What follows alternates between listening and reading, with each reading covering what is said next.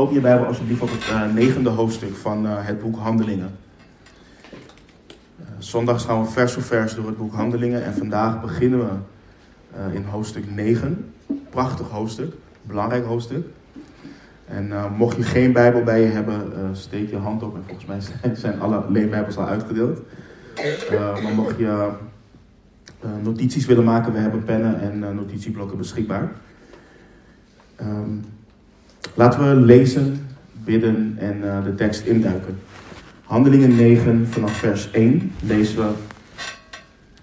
Saulus nu, die tegen de discipelen van de Heer nog steeds brieste van dreiging en moord, ging naar de hoge priester toe en vroeg, hem van brieven, vroeg van hem brieven voor Damascus, gericht aan de synagogen, opdat als hij er enigen zou vinden die van die weg waren, zowel mannen als vrouwen, hij die geboeid naar Jeruzalem zou brengen.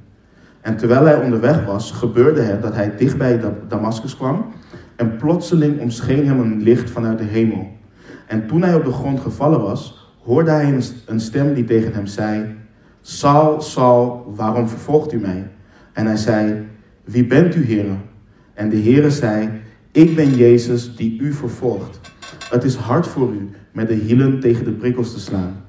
En hij zei, bevend en verbaasd: Heere, wat wilt u dat ik doen zal? En de, heer, en de Heer zei tegen hem, sta op en ga de stad in en daar zal u gezegd worden wat u moet doen. En de mannen die met hem meereisden stonden sprakeloos, want zij hoorden wel de stem, maar zagen niemand.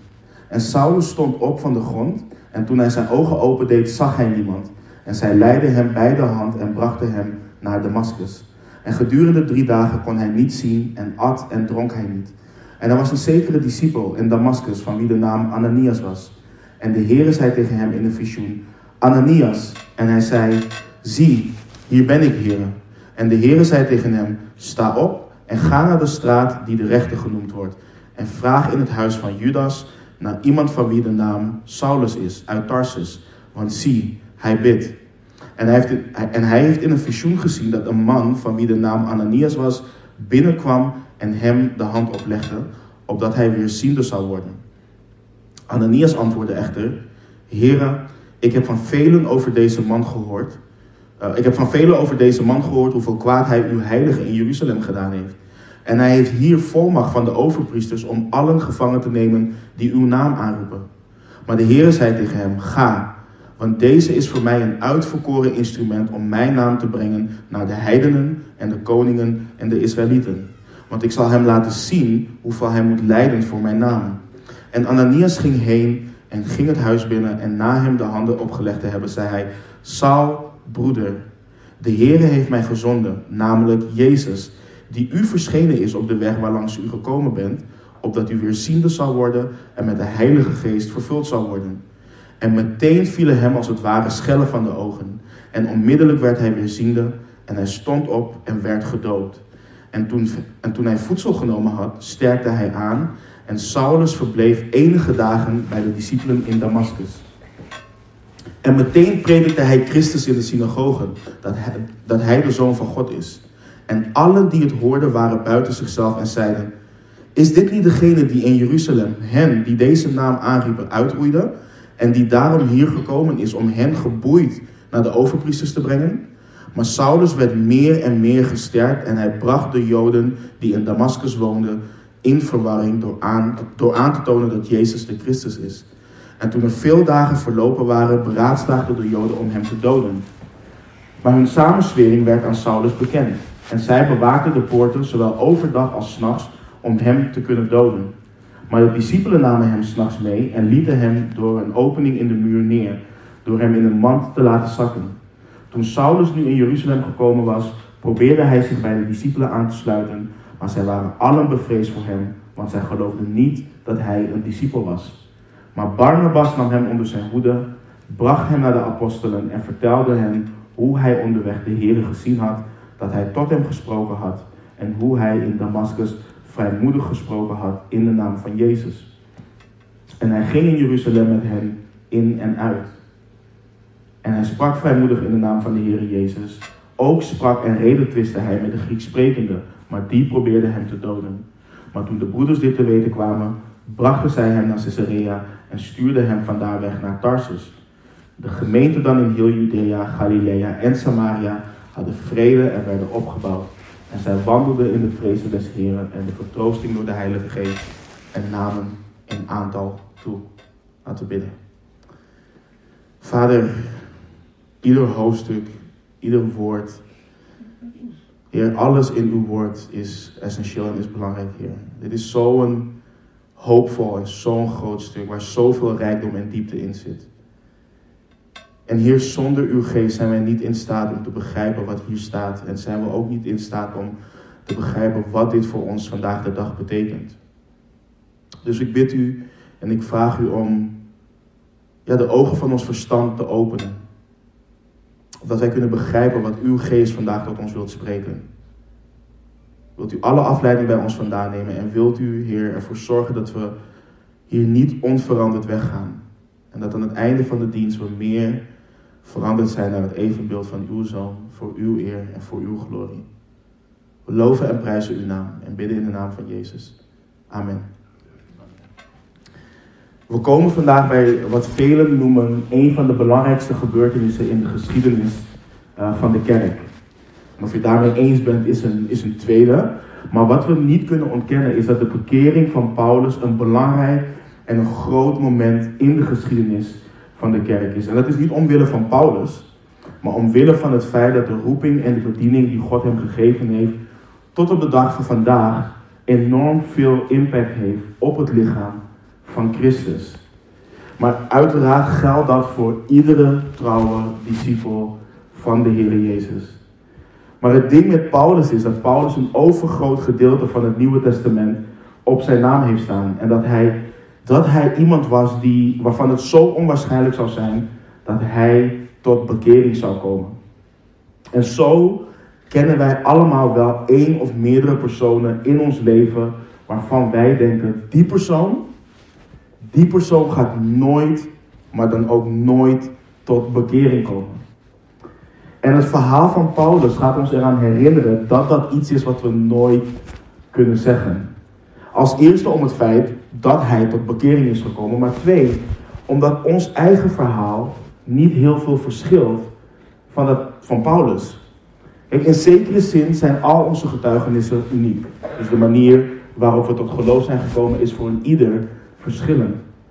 Maar aan de andere kant is, zijn onze getuigenissen uh, identiek.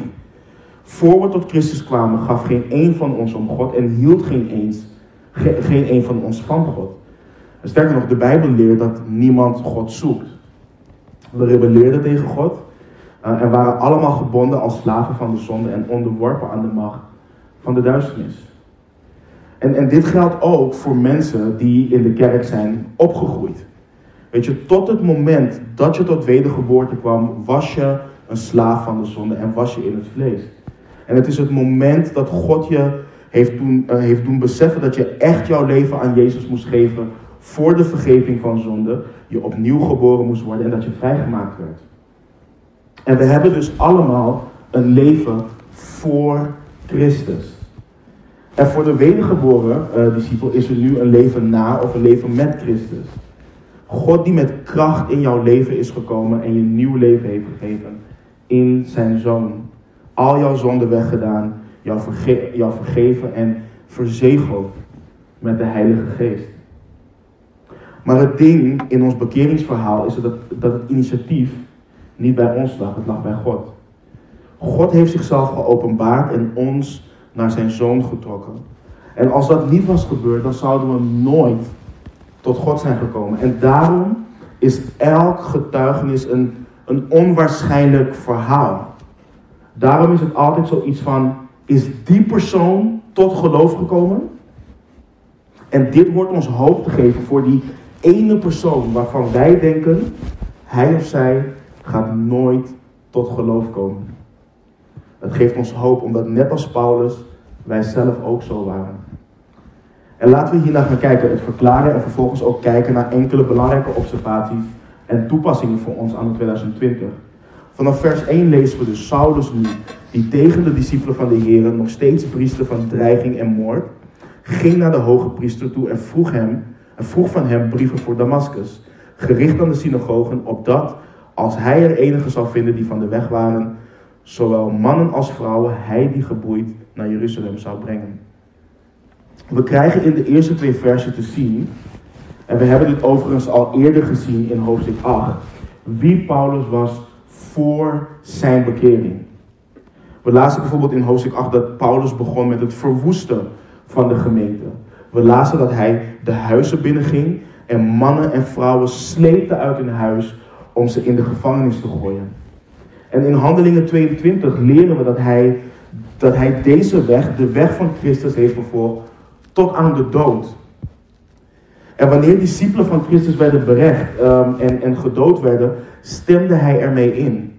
Hij heeft discipelen gedwongen tot het lasteren van de Heer Jezus. Hij trad op in razende woede. Paulus was verteerd door woede en ijver en ervan overtuigd dat hij dit moest doen. En Paulus was in de bloei van zijn leven een jonge fariseer die een naam voor zichzelf aan het maken was. hij zegt het zelf, besneden op de achtste dag. Uit het geslacht van Israël, van de stam van Benjamin. Een Hebreeër uit de Hebreeën. En wat de, wat de wet betreft, een fariseer, wat de rechtvaardigheid betreft die in de wet is, onberispelijk. Gestudeerd onder de grote Gamaliel. En niet alleen dat, Paulus kwam ook nog eens uit Tarsus. En Tarsus stond bekend om haar opleidingen. Opleidingen in filosofie en, en noem maar op. Paulus was een, een groot denker. Paulus was de man. En Paulus dacht dat hij het werk van God deed. En hij wilde iedereen dat laten zien. En er is niets gevaarlijkers op deze aardbol dan een man, dan een geleerd man in zowel wereldse zaken als in religieuze zaken met een hart van steen. Niets is gevaarlijker dan dat. En we zien dat hij brieste van dreiging en moord tegen de discipelen van de Heer. En dat woord brieste schetst het idee van een bloeddorstig dier wat, wat bloed ruikt en snakt naar meer. Iemand die op scherp staat om letterlijk alles wat op zijn weg staat kapot te maken. Hij ademde, en, en, en, en hij ademde dreiging en moord richting de discipelen van de Heer.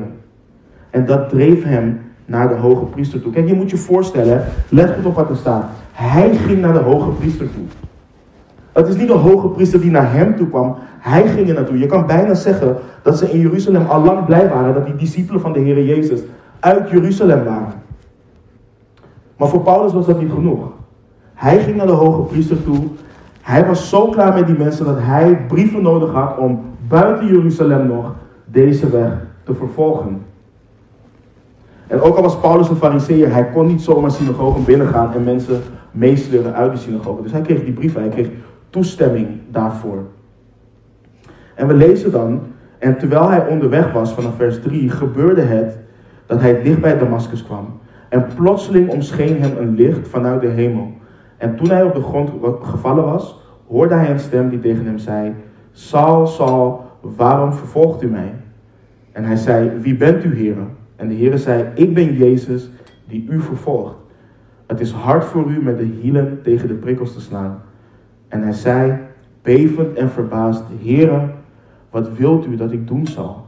En de Heer zei tegen hem: Sta op en ga de stad in, en daar zal u gezegd worden wat u moet doen. Dus onderweg naar Damascus, Paulus was er helemaal klaar voor. Onderweg naar Damascus met brieven van de hoge priester en een aantal mannen vastberaden om de weg van de Heer Jezus Christus uit te roeien. En we weten niet hoe Paulus deze reis maakte naar Damascus. Sommigen zeggen dat hij te paard of met een ezel ging. Nergens in de, in de schrift laat ons zien. De kans is zelfs groot dat hij te voet ging. En dit is belangrijk om te weten, want de afstand van, uh, van, Damascus naar, van Jeruzalem naar Damascus is zo'n 240 kilometer. Dus is een reis van enkele dagen tot dan twee weken, afhankelijk van hoe snel je liep. Maar kun je je voorstellen hoe vol van woede je moet zijn om 240 kilometer lang te lopen en nog steeds vastberaden te zijn om deze weg volledig uit te roeien? Zo vol van woede was hij. En dan blijft het je herinneren hoe onwaarschijnlijk het dus is dat Paulus tot bekering en tot geloof zou komen in Jezus Christus. En toen hij dicht bij Damascus kwam, gebeurde er iets. Er omscheen hem een fel of een licht vanuit de hemel. En dit is geen detail wat je zomaar over het hoofd moet zien. Want later, wanneer Paulus zijn getuigenis deelt met koning Agrippa in handeling 26, leren we dat het midden op de dag was. En, en waarom dit belangrijk is, is het volgende. Midden op de dag staat de zon het felst.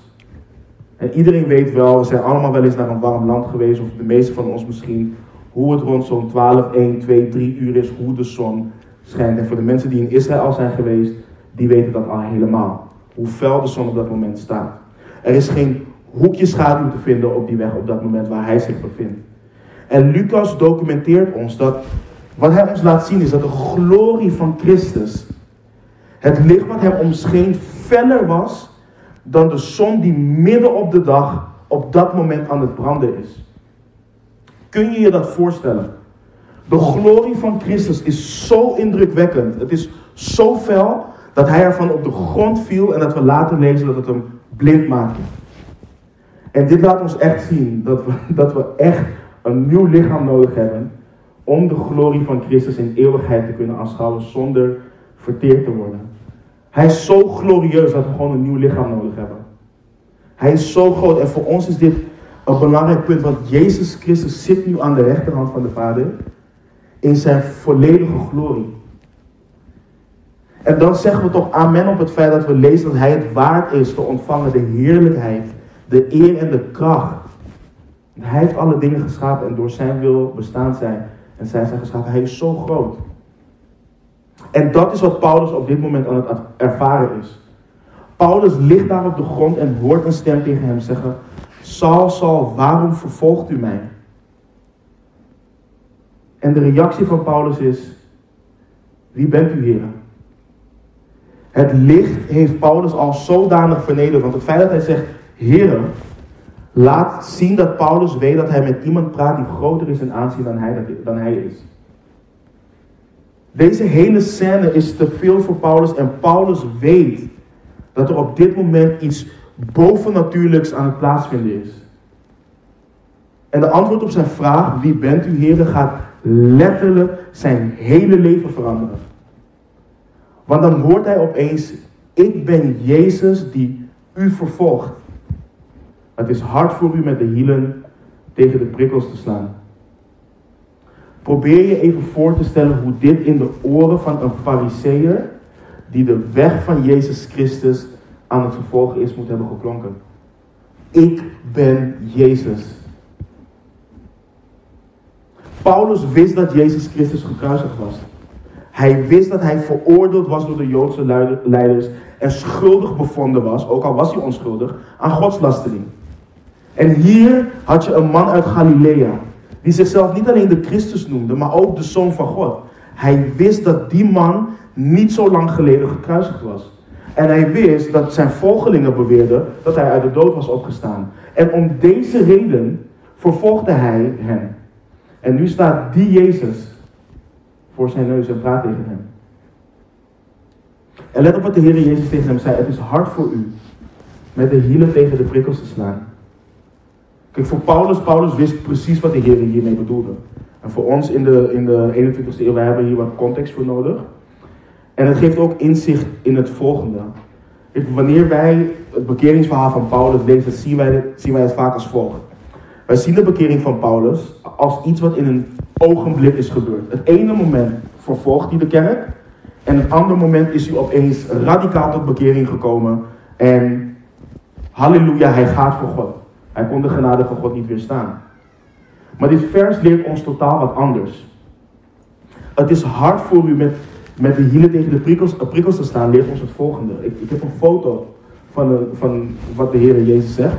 Dus een prikkel is een lange paal of een stok met een, wat je ziet, een, een puntig stuk ijzer aan één uiteinde vastgemaakt.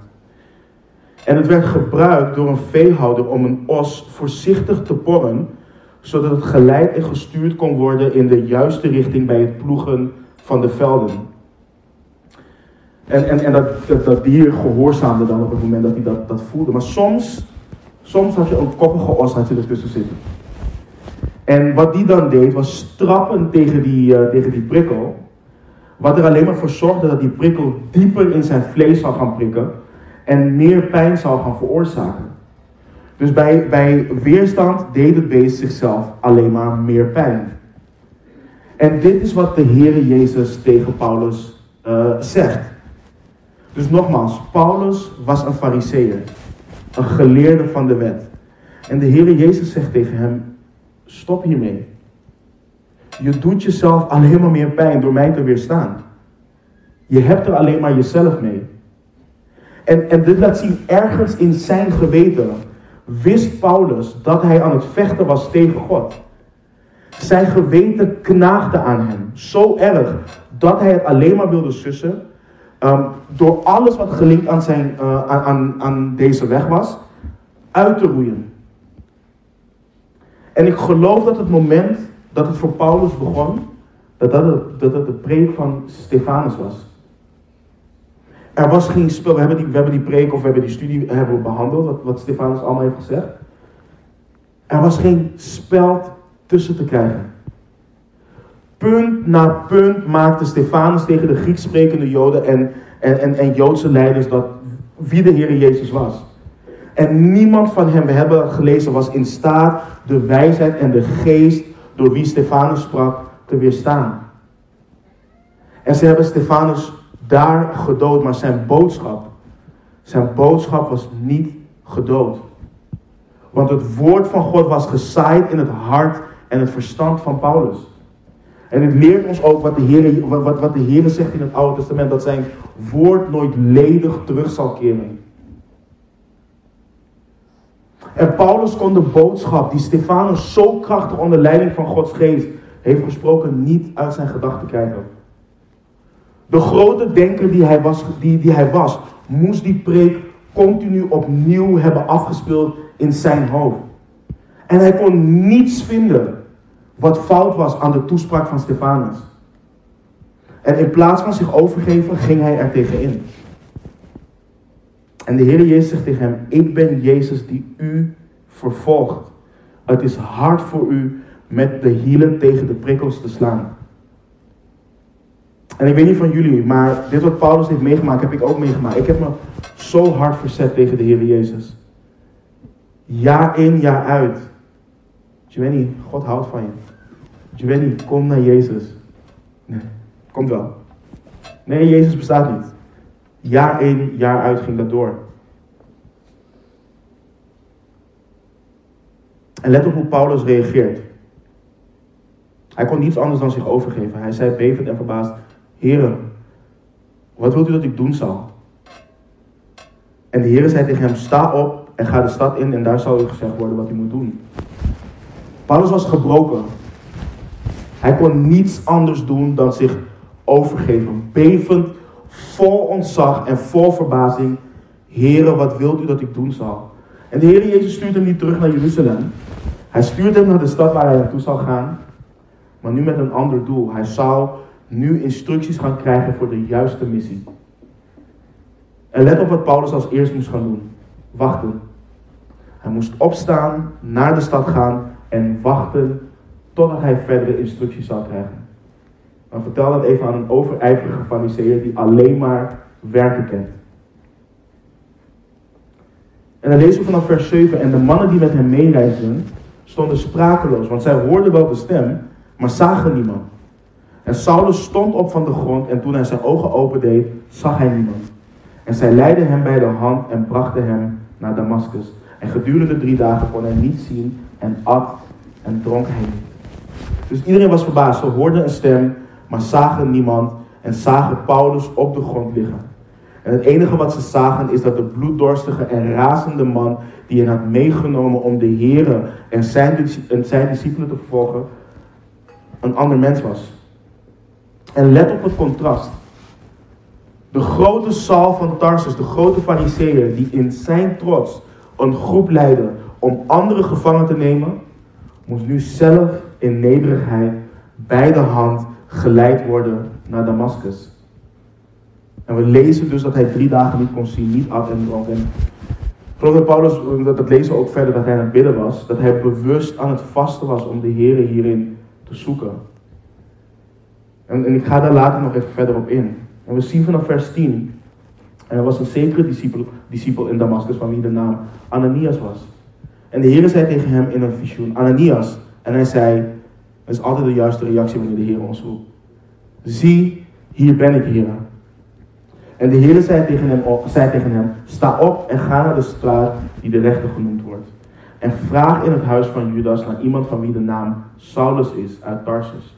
Want zie, hij bidt.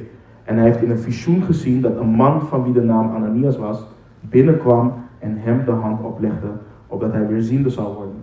En Ananias antwoordde echter, Heere, ik heb van velen over deze man gehoord hoeveel kwaad hij uw heiligen in Jeruzalem gedaan heeft. En hij heeft hier volmacht van de overpriesters om allen gevangen te nemen die uw naam aanroepen. Het is, al, het is zo prachtig om te lezen. Paulus als trotse fariseer is volledig afhankelijk van anderen om hem heen. De Heer roept namelijk Ananias in een visioen en zegt tegen hem om naar het huis van Judas te gaan en daar Saulus uit Tarsus op te zoeken. Door iemand die hij waarschijnlijk uit de synagoge zou hebben gesleurd en zou boeien om naar Jeruzalem mee te nemen, zal hij nu zijn zicht terug gaan krijgen. En dit heeft Paulus allemaal in de visioen gezien. Hij wist dat een discipel van de Heer hem de handen zou gaan opleggen, opdat hij weer zou kunnen zien. En dat Ananias weerstand ervaart, is, is niet gek. Je hoort dat een man die volmacht heeft om alle discipelen van Jezus gevangen te nemen, blind is geworden. Sommige discipelen hadden, hadden dit wellicht gezien als een, verhoord gebed. Dat dit een goddelijke interventie van de Heer was geweest. Dat hij op deze manier de vervolging tot een einde heeft gebracht. Maar de Heer was er niet alleen op uit om Paulus op die manier te stoppen. Hij zou een instrument in zijn handen worden, maar Ananias wist dat nog niet. Dus hij, dus hij uit zijn zorg bij de Heer. En de Heer veroordeelt hem niet. En wordt niet boos op hem, maar stelt hem juist gerust. Want we lezen, maar de Heer zei tegen hem, ga, want deze is voor mij een uitverkoren instrument om mijn naam te brengen naar de heidenen en de koningen en de Israëlieten. Want ik zal hem laten zien hoeveel hij moet lijden voor mijn naam. Dus de Heer stelde Ananias gerust. Hij zei tegen hem, kijk, ik heb Paulus, of ik heb Saulus uitgekozen. Hij had een, hij had een prachtige bediening voor deze man.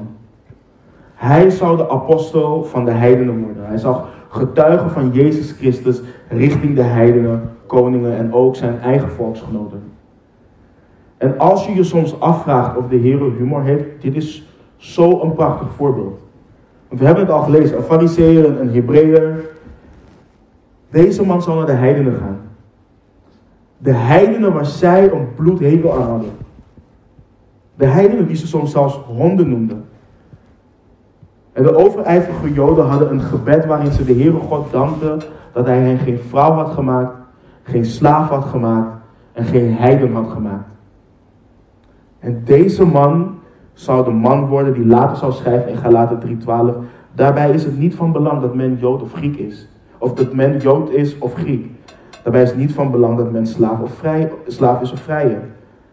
Daarbij is het niet van belang dat, man, uh, dat men man is of vrouw. Want allen bent u één in Christus Jezus.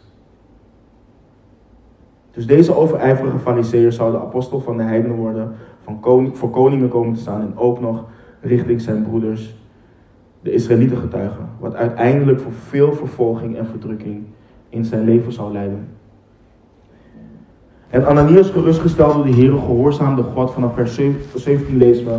En Ananias ging heen en ging het huis binnen en nam uh, en na hem de handen opgelegd te hebben, zei hij: Saul, broeder, de Heer heeft mij gezonden, namelijk Jezus, die u verschenen is op de weg waar langs u gekomen bent, opdat u weer ziende zou worden en met de Heilige Geest vervuld zou worden. En meteen vielen hem als het ware schellen van de ogen en onmiddellijk werd hij weer ziende en hij stond op en werd gedood. Let op hoe Ananias er volledig van overtuigd is dat Paulus tot de fellowship behoort. Hij ging naar binnen, legde hem de hand op en noemt hem broeder. En hij geeft aan dat de Heer Jezus, die aan hem verschenen is op de weg naar Damascus, hem heeft gezonden. Zodat Paulus weer kon zien en vervuld zou worden met de Heilige Geest. En op bovennatuurlijke wijze kon Paulus weer zien. En hij liet zichzelf gelijk dopen. En ik wil dat we iets uh, niet missen in dit gedeelte, een belangrijk gedeelte. Let op wie de Heer heeft gestuurd naar de apostel Paulus, opdat hij, weer, opdat hij vervuld zou worden met de Heilige Geest. We, we lazen aan een, een, zekere discipel genaamd Ananias. Gewoon een simpele volgeling van de Heer Jezus. Ananias was geen apostel, hij was geen diaken, hij was geen opziener. Hij was gewoon een volgeling van Jezus Christus. En waarom ik dit aankaart is dit. Kijk, wij hebben als gevallen mensen de tendens om anderen te verhogen op basis van bediening of status. En daarnaast hebben we ook nog in allerlei kerken mensen die zich verheffen tot een bepaalde positie en zichzelf allerlei zaken toe-eigenen die hen niet toebehoren. En het laat ons zien dat de titel apostel, opziener of wat dan ook slechts een titel is. Maar dat we in de basis allemaal de discipelen zijn van de Heer Jezus, waar Hij doorheen kan en wilt werken. Ja, de Heer heeft opzieners gegeven die geestelijk de gemeente overzien en gaven hebben ontvangen om die bediening te vervullen. Maar wanneer we voor de Heer komen te staan, zal iedere wedergeboren discipel te horen krijgen, goed gedaan, goede en trouwe dienaar. Niemand zal horen, goed gedaan, goede en trouwe apostel, goede en trouwe opziener. Nee, iedereen is gewoon een dienaar. En Ananias is het voorbeeld dat iedere discipel een instrument is in Gods handen dat, en dat er in de ogen van God geen aanzien des persoon is. En dat is een heel groot contrast met wat we in de charismatische kerk zien, waar we mensen verheffen en apostel die en apostel die, alleen die hebben krachten en noem maar op. En we zien hier totaal wat anders. En we lezen verder. En toen hij, dus Saulus, Paulus, voedsel genomen had, sterkte hij aan. En Saulus verbleef enige dagen bij de discipelen in Damascus. En meteen predikte hij Christus in de synagogen dat hij de Zoon van God is. En allen die het hoorden waren buiten en zeiden, is dit niet, die, is dit niet die, degene die in Jeruzalem hen die, in deze, hen die deze naam aanriepen uitroeide en die daarom hier gekomen is om hen geboeid naar de overpriesters te brengen. Maar Saulus werd meer en meer gesterkt en hij bracht de Joden die in Damascus woonden in verwarring door aan te tonen dat Jezus de Christus is. En toen er veel dagen verlopen waren, beraadslaagden de Joden om hem te doden. Maar hun samenswering werd aan Saulus bekend en zij bewaakten de poorten zowel overdag als s'nachts om hem te kunnen doden. Maar de discipelen namen hem s'nachts mee en lieten hem door een opening in de muur neer, door hem in een mand te laten zakken. De discipelen verwelkomden Paulus in hun midden. Hij werd opgenomen in het fellowship. Hoe, hoe prachtig is dit? Alleen God kan het mogelijk maken dat je immens veel van de persoon of personen gaat houden die je eerst intens haatte. Alleen God is bij machten om ons niet alleen met Hem te verzoenen, maar vervolgens ook zo'n intieme band te geven met hen die je in je vlees misschien niet mag of zelfs verafschuwt. En daarom is het ook zo mooi om te zien dat Paulus, dat het Paulus is die zoveel van de elk ander versen heeft geschreven in het Nieuwe Testament. Het is Paulus die schreef in Romeinen 12, vers 10. Heb elkaar hartelijk lief met broederlijke liefde. Ga elkaar voor in, in eerbetoon. Hij schreef in Romeinen 12, 16. Wees eensgezind onder elkaar. Streef niet naar de hoge dingen, maar houd u bij de nederige. nederige. Wees niet wijs in eigen ogen. Hij schreef in Galaten 6, vers 2. Draag elkaars lasten en vervul zo de wet van Christus.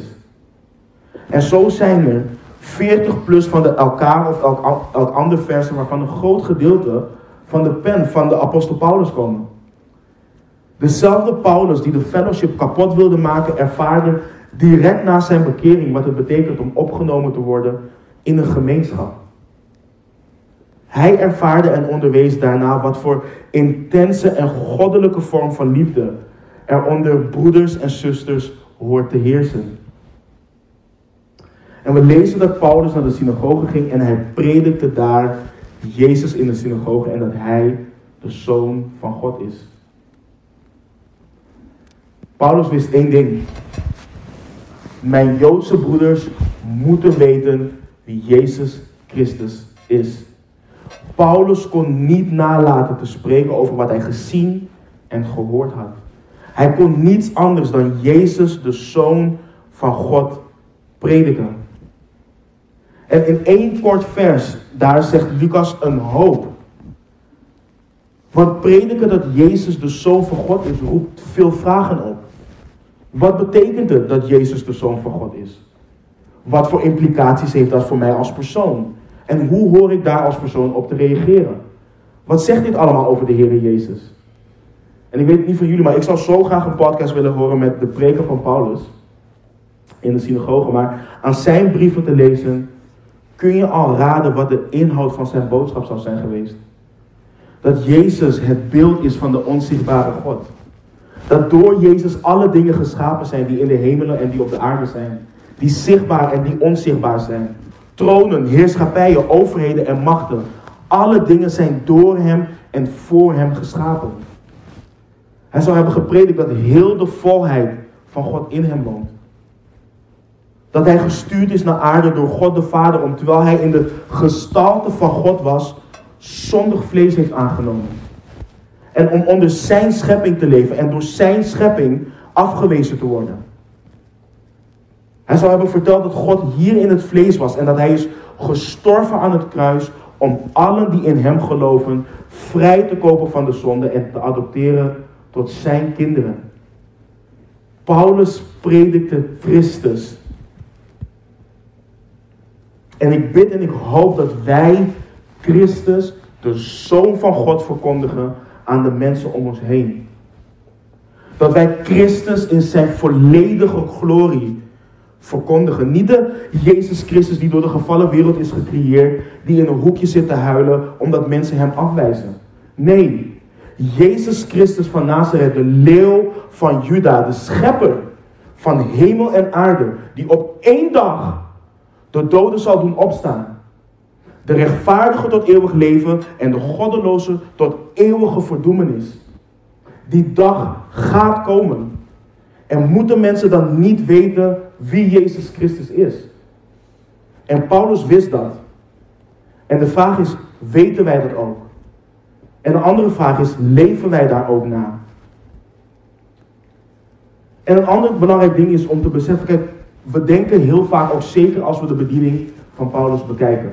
Zeker als, we naar zijn brieven, eh, als wij zijn brieven lezen, denken we dat dit iets is wat van nature kwam voor Paulus. Dat dit makkelijk was voor Paulus.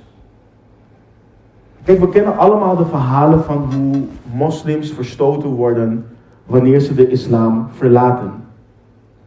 Dit is niet, dat was niet veel anders met het jodendom en zeker niet bij de secte van de fariseeën.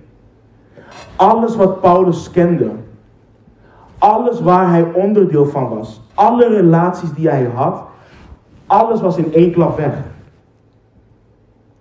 En hij wist dat dit weg zou vallen vanaf het moment dat hij zijn mond zou open doen en Jezus Christus zou prediken. Dat was het allerbelangrijkste voor hem. Paulus was niet bezig met wat denkt die van mij? Of zal ik die beledigen? Of misschien moet ik die te vriend houden? Paulus was bezig met het prediken van Jezus Christus. Hij was bezig met de waarheid verkondigen, ongeacht de mogelijke afwijzing en vervolging. En daar kunnen we wat van leren. Let op wat Paulus hier zelf over schrijft in Filippenzen 3, vanaf vers 4. Hij schrijft, hoewel ik reden heb om ook op het vlees te vertrouwen. Als iemand anders denkt te kunnen vertrouwen op het vlees, ik nog meer. We hebben het net hierover gehad. Besneden op de achtste dag. Uit het geslacht van Israël, van de stam Benjamin. Een Hebreeër uit de Hebreeën. Wat de, wat de wet betreft een Fariseer. Wat ijver betreft een vervolger van de gemeente. Wat de rechtvaardigheid betreft die in de wet is, onberispelijk. En let op wat hij schrijft. Maar wat voor mij winst was, maar wat voor mij winst was, dat heb ik om Christus wil als schade beschouwd. Ja, beslist, ik beschouw ook alles als schade vanwege de voortreffelijkheid van de kennis van Christus Jezus, mijn Heer, om wie ik dat alles als schade ervaren heb. En ik beschouw het als vuiligheid, opdat ik Christus mag winnen en in Hem gevonden word. Niet met mijn rechtvaardigheid die uit de wet is, maar die door het geloof in Christus is. Namelijk de rechtvaardigheid uit God door middel van het geloof. Opdat ik Hem mag kennen en de kracht van Zijn opstanding en de gemeenschap met Zijn lijden. doordat ik aan zijn dood gelijkvormig word, om hoe dan ook te komen tot de opstanding van de doden. Alles wat voor Paulus winst was, heeft hij om Christus wil als schade beschouwd. Alles viel in het niets. Niets was gelijk aan Christus. Voor Paulus was Christus letterlijk alles en het enige. Hij was niet bezig met roem. Hij was niet bezig met carrière. Nogmaals, hij was niet bezig met wie hij zou beledigen of wie hem zou accepteren of verstoten. Christus is alles en dat was onmiddellijk zichtbaar bij hem. Hij predikte Christus en let op de reactie van de anderen. Ze waren allemaal buiten zichzelf. Is dit niet degene die in Jeruzalem hen, die deze naam aanriepen, uitroeide en die daarom hier gekomen is om hen geboeid naar de overpriesters te brengen? De vervolging van Paulus was zo heftig dat het 240 kilometer verderop al bekend was. Iedereen wist waarom hij was gekomen. En nu verkondigde deze man dat Jezus de Zoon van God was. Hij bracht iedereen in verwarring. Mensen konden hun oren niet geloven dat de leerling van Gamaliel aan het verkondigen was dat Jezus de Zoon van God is. En ik denk dat als men Paulus van tevoren had verteld dat hij dit zou zijn en dit zou doen, dat hij dit zelf niet geloofd had. Ik heb het vaker ook met jullie zelf gedeeld over mezelf. Als iemand mij zeven jaar geleden had gezegd dat ik hier vandaag zou staan, dan had ik gezegd dat die persoon knettergek was. Dan had ik waarschijnlijk nooit meer gesproken met die persoon. Maar wat voor de mens onmogelijk lijkt en is, is bij God mogelijk. Hij doet de meest onvoorstelbare dingen. Hij draait levens volledig om. En opeens stond Paulus aan de andere kant. Hij was zelf het doelwit geworden. De mensen aan wiens kant hij stond waren nu zijn vijanden geworden. En maakten plannen om hem te doden. Dus Paulus was in een oogwenk een vijand van de wereld geworden. Hij was een vijand van het Jodendom. Zijn broeders waren zijn vijanden. En dit geldt ook voor ons. Wanneer wij tot Christus komen, worden wij vijanden van de wereld. Het moment, het moment dat je onderdeel wordt van Gods koninkrijk, ben je geen onderdeel meer van deze wereld. Want je vertegenwoordigt God en de wereld haat God. En we lezen dus de samenswering werd bekend bij Paulus en de discipelen hielpen hem om te ontsnappen. Ik kan me alleen maar proberen voor te stellen hoe, hoe dit voor, hem moet, uh, moet zijn geweest. Aan het begin van zijn reis vertrok hij met hoog opgeheven hoofd naar Damascus. Nu is hij een gebroken man die s'nachts door een opening in de muur neerzakte in een mand, wegvluchtte voor zijn eigen leven. En lezen we toen Saulus nu in Jeruzalem gekomen was, probeerde hij zich bij de discipelen aan te sluiten, maar zij waren allen bevreesd voor hem, want zij geloofden niet dat hij een discipel was. Maar Barnabas nam hem, onder zijn hoede, bracht hem naar de apostelen en vertelde hun hoe hij onderweg de Heer gezien had, dat hij tot hem gesproken had en hoe hij in Damascus vrijmoedig gesproken had in de naam van Jezus. En hij ging in Jeruzalem met hen in en uit. En hij sprak vrijmoedig in de naam van de Heer Jezus. Ook, en ook sprak en redetwiste hij met de Grieks sprekende, maar die probeerde hem te doden. Maar toen de broeders dit weten, uh, te weten kwamen, brachten zij hem naar Caesarea en stuurden hem vandaar weg naar Tarsus. De gemeenten dan in heel Judea, Galilea en Samaria hadden vrede en werden opgebouwd en zij wandelden in de vrezen des Heren en de vertroosting door de Heilige Geest en namen een aantal toe. Er bestaat nogal wat discussie over het feit of dit het eerste bezoek van Paulus was of het tweede bezoek van hem aan uh, Jeruzalem. Ik ben er niet dogmatisch over, maar ik geloof persoonlijk dat dit zijn eerste bezoek is, omdat niemand nog gelooft dat hij een discipel is. En wat interessant is dat wij in dit verhaal van vers 25 direct naar vers 26 gaan.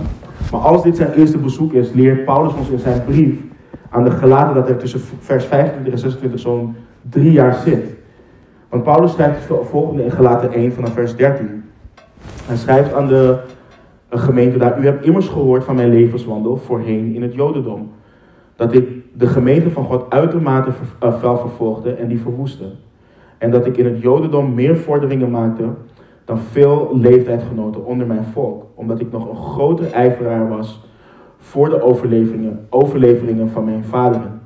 Maar toen het God, die mij vanaf de buik van mijn moeder heeft afgezonderd en geroepen door zijn genade behaagde, zijn zoon in mij te openbaren, opdat ik hem door het evangelie onder de heidenen zou verkondigen, um, ging ik meteen niet te raden bij, bij vlees en bloed.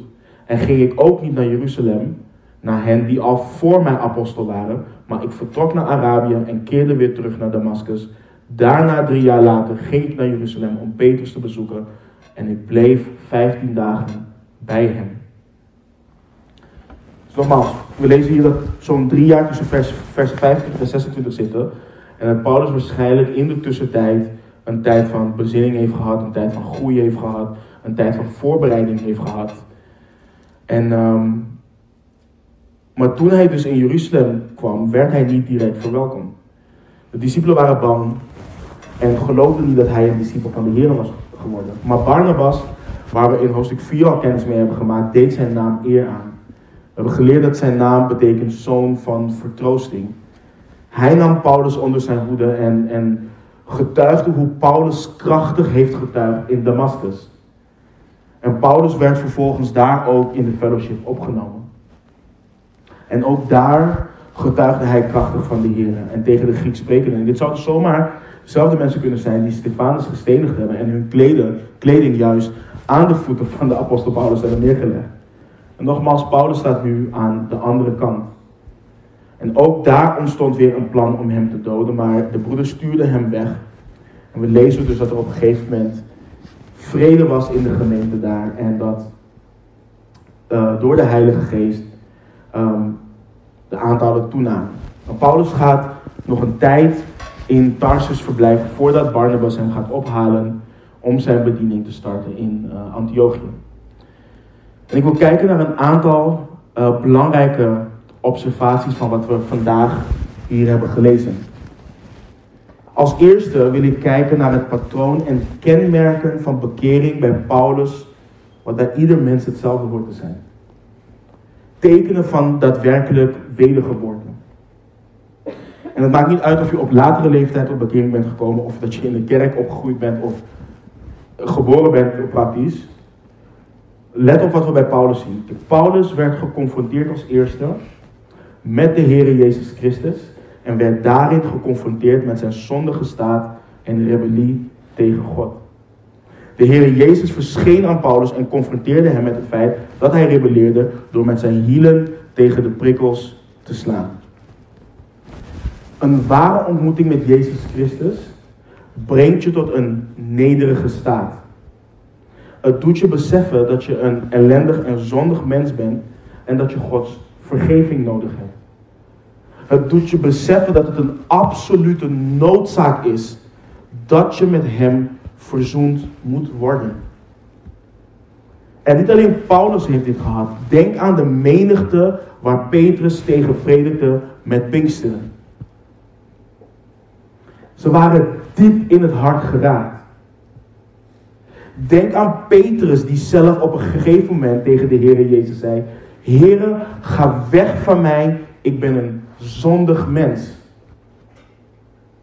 Niemand kan tot reddend geloof en bekering komen in Jezus Christus en hoogmoedig blijven. Er bestaat niet zoiets als een werkelijk wedergeboren persoon die geen groeiend besef heeft van zijn of haar eigen zondige staat. Hoe meer we in het licht gaan lopen, hoe meer we in het licht gaan wandelen, des te meer we gaan zien hoe bevlekt ons hart is. Hoe gevallen we als mensen zijn. En niemand wordt gered door vast te houden aan het idee dat ze eigenlijk niet zo slecht zijn. Of dat ze er zelf op briljante wijze zijn uh, achtergekomen dat ze voor Christus moeten kiezen. Een ware ontmoeting met Christus laat zien hoe groot Hij is en hoe klein ik ben. Altijd. Let op hoe Paulus zich vervolgens, en dat is een tweede, hoe Paulus zich vervolgens onderwerpt aan de Heer Jezus Christus. Let op zijn vraag. Heere, wat wilt u dat ik doen zal? Paulus kreeg het intense verlangen om de Heer Jezus na te volgen en te gehoorzamen. Hij was volledig van Christus. Een slaaf van Christus. Een ware ontmoeting met Jezus Christus leidt tot onmiddellijke gehoorzaamheid. Het was niet, oh heren, ik wil u wel navolgen, maar ik ben er nog niet klaar voor. Of ja, ik geloof wel in u. En ik wil u wel navolgen, maar ik ben wel zo en zo en zo. En daar dient u wel rekening mee te houden. Of ik doe dit wel op mijn manier. Nee, let op wat er met Paulus gebeurt. Hij moest opstaan, naar Damascus gaan en daar wachten. En wat deed Paulus? Hij gehoorzaamde God onmiddellijk. Hij erkende de autoriteit van de Heere Jezus onmiddellijk in zijn leven. Ieder wedergeboren persoon erkent het verheven gezag van Jezus Christus in zijn of haar leven en tracht in gehoorzaamheid aan Hem te leven, wat het hem of haar ook kost. Let op een ander kenmerk, let op wat Paulus deed. Hij bad. Hij zocht het aangezicht van God. Hij ging in gesprek met God. Hij liet zijn afhankelijkheid aan God zien door te bidden. Door zijn aangezicht te zoeken. Iedere wedergeboren christen weet dat hij of zij niets is zonder Christus. Dat hij, niets, dat hij of zij niets kan zonder Christus en geen enkele vorm van geestelijke wijsheid bezit zonder Christus. Dus wat doe je? Je zoekt de wil van God voor jouw leven. Je bidt, je zoekt zijn aangezicht. Je bidt voor leiding van moment tot moment in jouw leven. Je bidt in de strijd tegen zonde. Je bidt om zijn woord te begrijpen. Je bidt. En let op een ander belangrijk kenmerk. Paulus was vervuld met de Heilige Geest. Elke wedergeboren discipel hoort vervuld te zijn met de Heilige Geest. Hij geeft ons de kracht om zonde te overwinnen. En doordat Hij in ons woont, brengt Hij de karaktereigenschappen in ons voort, die de vrucht van de geest genoemd worden. Als je het christelijk leven in je eigen kracht wilt leiden, dan zul je geheim gefrustreerd en verslagen worden. Niemand kan dat van zichzelf. Maar als je dagelijks leeft in onderwerping en afhankelijkheid van de Heilige Geest, zul je een constante overwinning ervaren over de zonde en vreugde ervaren van de zaligheid die in je opwelt. En begrijp me niet verkeerd, en ik zeg niet dat vanaf het moment dat je wedergeboren bent, dat alles volmaakt is. En dat jij een volmaakt, een mens bent. Maar je zult moeten groeien in liefde, blijdschap, vrede, geduld, vriendelijkheid, goedheid, geloof, zachtmoedigheid, zelfbeheersing. Weet je, ik krijg altijd tenen wanneer ik beleidende christenen hoor zeggen: Dit is nou hoe ik eenmaal ben. Dit is nou eenmaal hoe ik praat. Dat zijn geen uitspraken die horen bij een discipel van Jezus.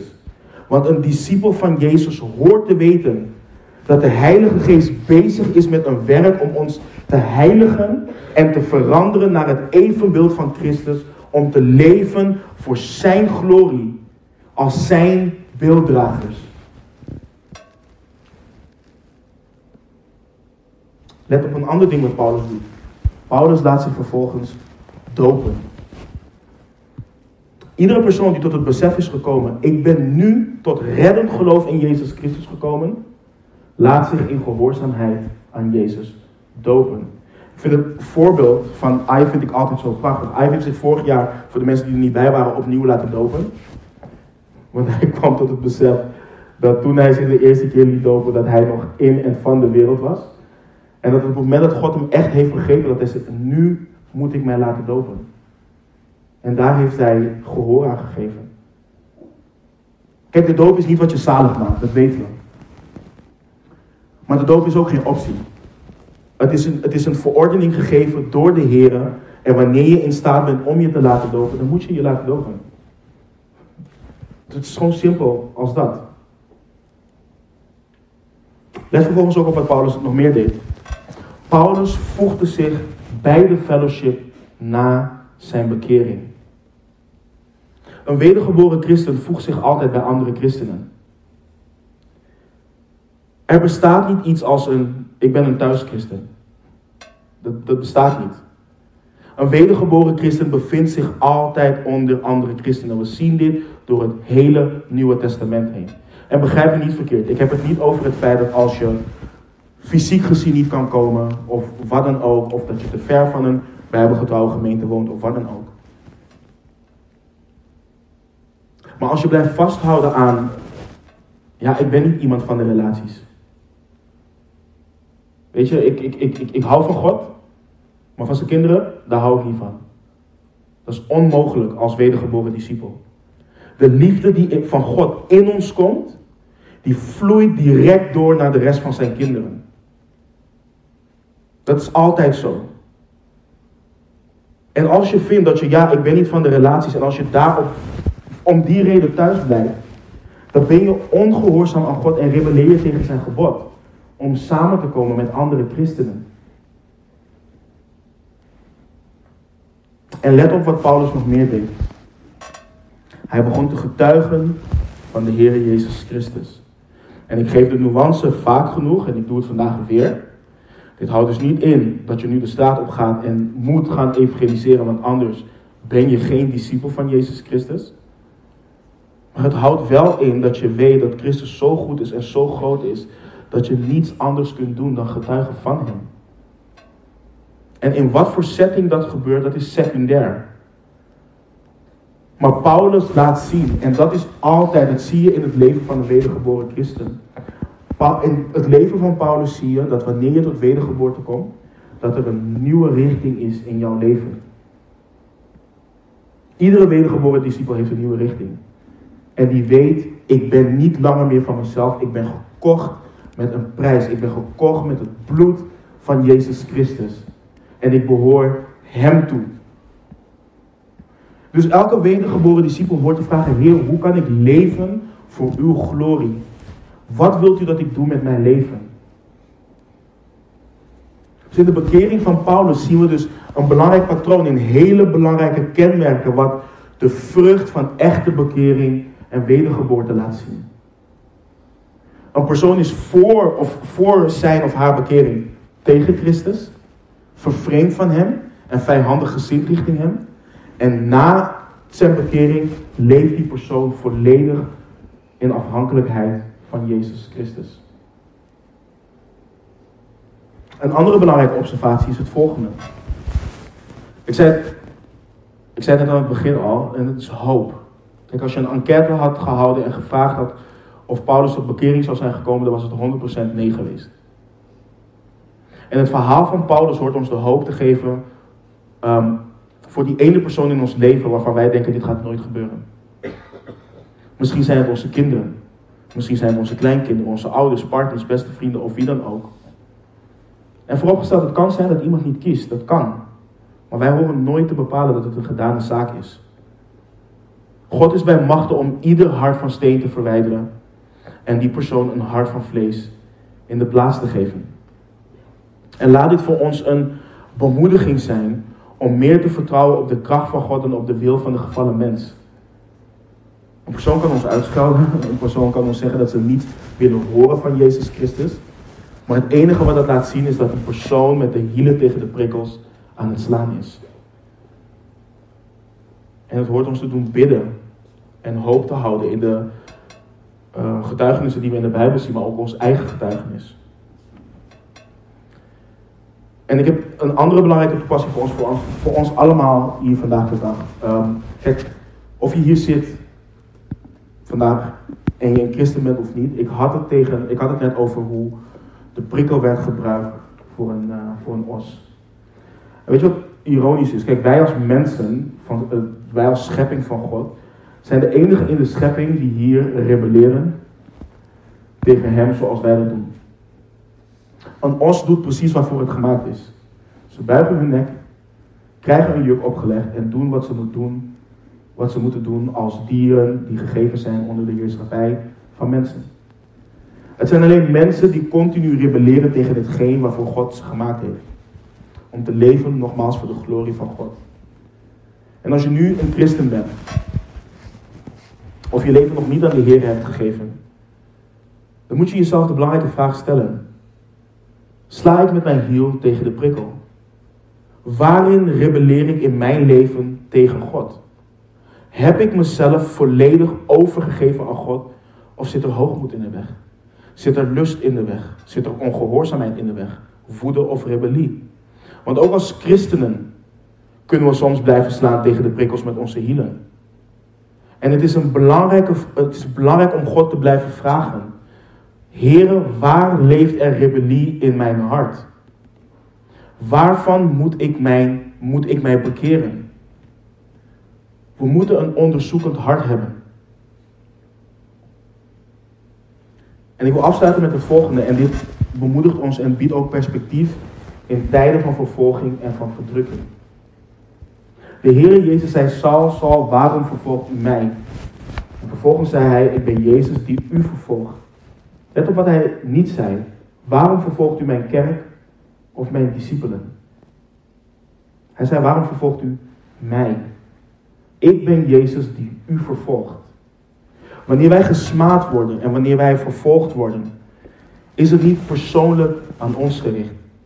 Het is gericht aan Jezus Christus in ons. En de wereld haat ons. En het klinkt heftig, maar het is precies wat de Heer Jezus zei. Omdat ze door Christus in ons zien dat er geen excuus is voor de zonde. In iedere wedergeboren christen zie je dat het een keuze is om zelf in duisternis te blijven. Je ziet dat er een mogelijkheid is dat God gekend kan worden. Je ziet dat er een mogelijkheid is tot bekering en tot verzoening met God. Maar we lezen ook in Johannes 3 dat men de duisternis meer lief heeft dan het licht. En wanneer men licht ziet, dan willen ze er alles aan doen om dat licht uit te schakelen. Dus ik hoop dat dat voor ons perspectief biedt. En misschien zit je hier nu, luister je of kijk je mee en kom je erachter dat je met de hiel tegen de prikkel slaat en dat je merkt dat je je leven kapot aan het maken bent. Of misschien ervaar je, nu dat wat die man daar zegt, met die harde stem en die autoritaire toon, die de hele tijd met zijn vinger en zijn hand praat, dat alles wat hij zegt helemaal niet zo leuk is. Maar dat alles wat ik heb gezegd, dat het te toetsen is aan het woord van God. En Jezus Christus nodigt je nu uit om in een persoonlijke relatie met Hem te treden. Hij is gestorven voor jouw zonde en opgewekt uit de dood. Hij heeft de dood overwonnen. Hij kan jou vrijkopen als slaaf van de zonde en jou nu nieuw leven geven. En misschien denk je, ja, ik heb alles geprobeerd. Maar bij mij het is niet mogelijk. Je weet niet wat ik allemaal in mijn leven heb gedaan. Of misschien denk je, hoe dan? En de apostel Paulus, waar we net over hebben gelezen, hij is degene die het volgende schreef in 2 Korinthe 5, 17. Het zijn prachtige en hoopvolle woorden. Daarom, als iemand in Christus is, is hij een nieuwe schepping. Het oude is voorbij gegaan. Zie, alles is nieuw geworden. En hoe dit mogelijk is, schreef hij aan het einde van hetzelfde hoofdstuk. Want hem die geen zonde gekend heeft, heeft hij voor ons tot zonde gemaakt, opdat wij zouden worden gerechtigheid van God in hem. Hoe het mogelijk is, is dat de straf die jij verdient, Christus voor jou aan het kruis heeft gedragen. Hij heeft die drinkbeker gedronken. En het enige wat je moet doen is, bekeer je, geloof en leef. Laten we bidden. Hemelse Vader, het is zo ontzagwekkend om te lezen hoe u met kracht in het leven van mensen komt, Heer. Ja, dat wat we lezen bij de apostel Paulus of over de apostel Paulus. Dat dit het verhaal is van iedere wedergeboren discipel. En ik ben u zo dankbaar voor uw genade en uw barmhartigheid. Zo dankbaar voor uw liefde dat u een heilig en rechtvaardig God zondaren rechtvaardigt op basis van uw rechtvaardige en volmaakte zoon. dat u ons verzoent met uzelf. Dat wij toegang hebben tot het eeuwig leven en een eeuwigheid met u mogen doorbrengen. Heer, en het is zo goed om te weten dat u dit hart heeft voor ieder mens. We loven en prijzen uw naam, Heer, voor uw grote barmhartigheid en uw genade. En ik draag iedere ziel aan u op die u nog niet kent. U weet met wie wij allemaal in gesprek zijn. U weet richting wie wij getuigd hebben en richting wie wij getuigen. En ik bid u en ik vraag u om een, dat die mensen een ontmoeting met u krijgen. Dat u hen nieuw leven geeft. En dat u ze bevrijdt uit de macht van de zonde en van de Satan. En ze met de Heer Jezus in de hemelse eh, gewesten plaatst, Heer. Heer, ik bid dat deze woorden die we vandaag hebben behandeld, dat ze niet binnen deze vier muren blijven, maar dat ze met ons meegaan en dat, u, dat uw geest ze toepast in onze harten. Dat u ons verandert, dat u ons het verlangen geeft om u te gehoorzamen, om te getuigen van u, om, om achter u aan te gaan. En we bidden, we vragen we danken. Alles in de machtige naam van onze Heer Jezus Christus. Amen.